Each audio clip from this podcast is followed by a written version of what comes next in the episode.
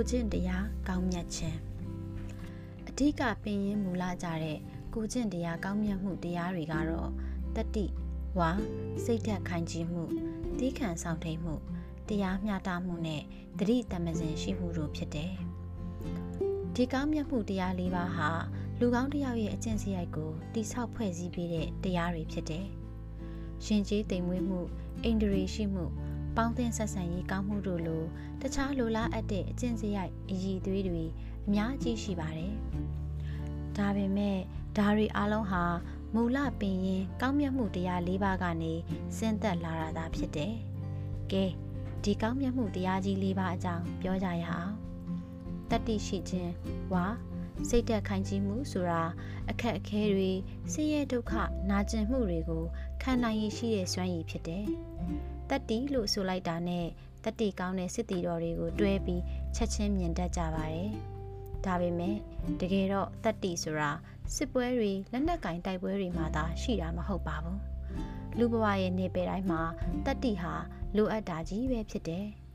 တတ္တိမရှိတဲ့လူတွေဟာကြမ်းကြမ်းတန်တန်ကိစ္စတွေကိုကြုံတွေ့လာတဲ့အခါမှာလက်မြောက်ရှုံးပေးကြတယ်။အခက်အခဲတွေကြုံရတဲ့အခါနောက်တွန်ပြီးပြန်လှည့်သွားကြတယ်။တံမိုးထားအပ်တဲ့အမှုကိစ္စတိုင်းမှာစိတ်သက်ခိုင်ကြည်အောင်မွေးမြူထိမ့်သိမ့်မှုလိုအပ်ပါတယ်။မြင့်မြတ်တာနဲ့အမျှခက်ခဲမှုရှိတယ်လို့ခေတ်သစ်ကိုကျင့်တရားဒသနပညာရှင်ကြီးစပင်နိုဇာကမိန့်ဆိုခဲ့ပါတယ်။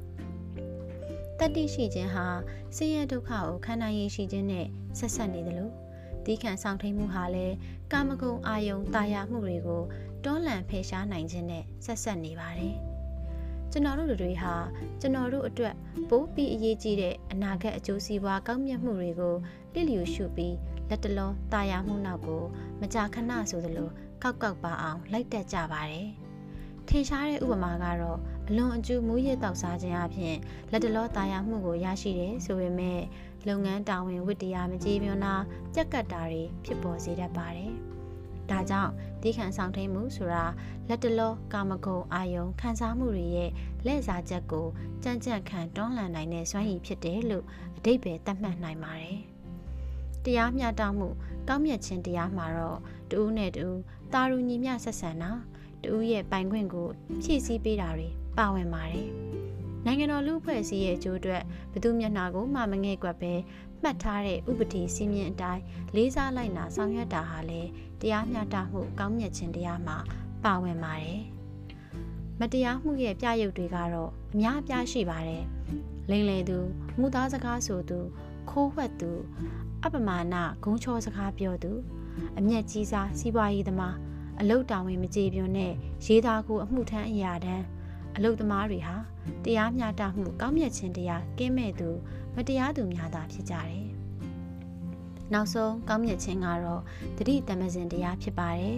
။အတိတ်ပဲဖွင့်ဆိုဖို့အခက်ခဲဆုံးကောင်းမြတ်ခြင်းတရားဖြစ်ပါတယ်။ ကံသုံးမအပြုမှုတွေနဲ့ပတ်သက်လို့ဆုံးဖြတ်ချက်တွေချတဲ့အခါမှာအတိရှိရှိအတိတရားလက်ကင်ထားပြီးဆုံးဖြတ်တတ်တဲ့အကျင့်စရိုက်ရှိတဲ့သူတွေကိုတတိတမစင်ရှိသူလို့ဆိုနိုင်ပါတယ်။သူဟာအကြံပေးချက်တွေတင်ပြချက်တွေကိုရှာဖွေလက်ခံပါတယ်။အပြန်အလှန်ဆန်းစစ်ဝေဖန်မှုပြုတယ်။အပြုတ်မှုတရက်ကိုဆောင်ရွက်တဲ့အခါမှာလည်းအလျင်စလိုပြီးဆိုလည်းမလုပ်တတ်ဘူး။ချင်းချင်းချင်းချင်းစဉ်းစားဆုံးဖြတ်ပြီးမှဆောင်ရွက်လိရှိတယ်။ ဒီလိုတတိတရားလက်ကင်ထားသူဟာစိတ်လှုပ်ရှားမှုခံစားချက်တွေရဲ့ဆွဲဆောင်လှည့်စားမှုနောက်ကိုကောက်ကောက်ပါအောင်မလိုက်တတ်ဘူးတကယ်အချင်းအချက်ထဲမှာတော့စင်ချင်တုံတရားရှိရှိကြောင်းကျိုးဆက်ဆက်ပြီးစဉ်းစားဆုံးဖြတ်ပြီးဆောင်ရွက်သူဖြစ်ပါတယ်ဒီကောင်းမြတ်ခြင်းတရားလေးပါးကိုကျွန်တော်တို့ကလေးတွေကိုသင်ကြားညွှန်ပြပေးဖို့စဉ်းစားတာဟာမင်္ဂလာရှိပါတယ်ဒါပေမဲ့လုပ်ငန်းတဘာဝရဲ့ခက်ခဲမှုကိုတော့ရှော့မတွက်စေချင်ဘူး စိတ်ကိုလေ့ကျင့်ပညာပေးတာထက်ကိုကျင့်တရားဇယိုက်လက္ခဏာကိုတိဆောက်ရတာပိုးပြီးခက်ခဲလာပါတယ်။ဒါနဲ့တစ်ဆက်တည်းမှာပဲဒီလိုအခြေခံကိုကျင့်တရားကောင်းမြတ်ခြင်းတွေလောက်အရေးမကြီးပေမဲ့အတိတရားဆိုင်ရာကောင်းမြတ်ခြင်းတွေကိုလည်းမေ့မထားပါနဲ့။အတိတရားဆိုင်ရာအခြေခံကောင်းမြတ်ခြင်းတရားတွေကတော့နားလည်ခြင်းအတိတရားနဲ့ဉာဏ်ပညာတို့ဖြစ်ပါတယ်။ဒီအတိတရားဆိုင်ရာကောင်းမြတ်ခြင်းတရားဆိုင်ရာ ကောင်းမြတ်ခြင်းတရားတွေကိုပွင့်လန်းဝေစာနိုင်ဖို့အတွက်လွတ်လပ်ပွင့်လင်းတဲ့ liberal ပညာရေးကအထောက်အကူပေးပါတယ်။ Atla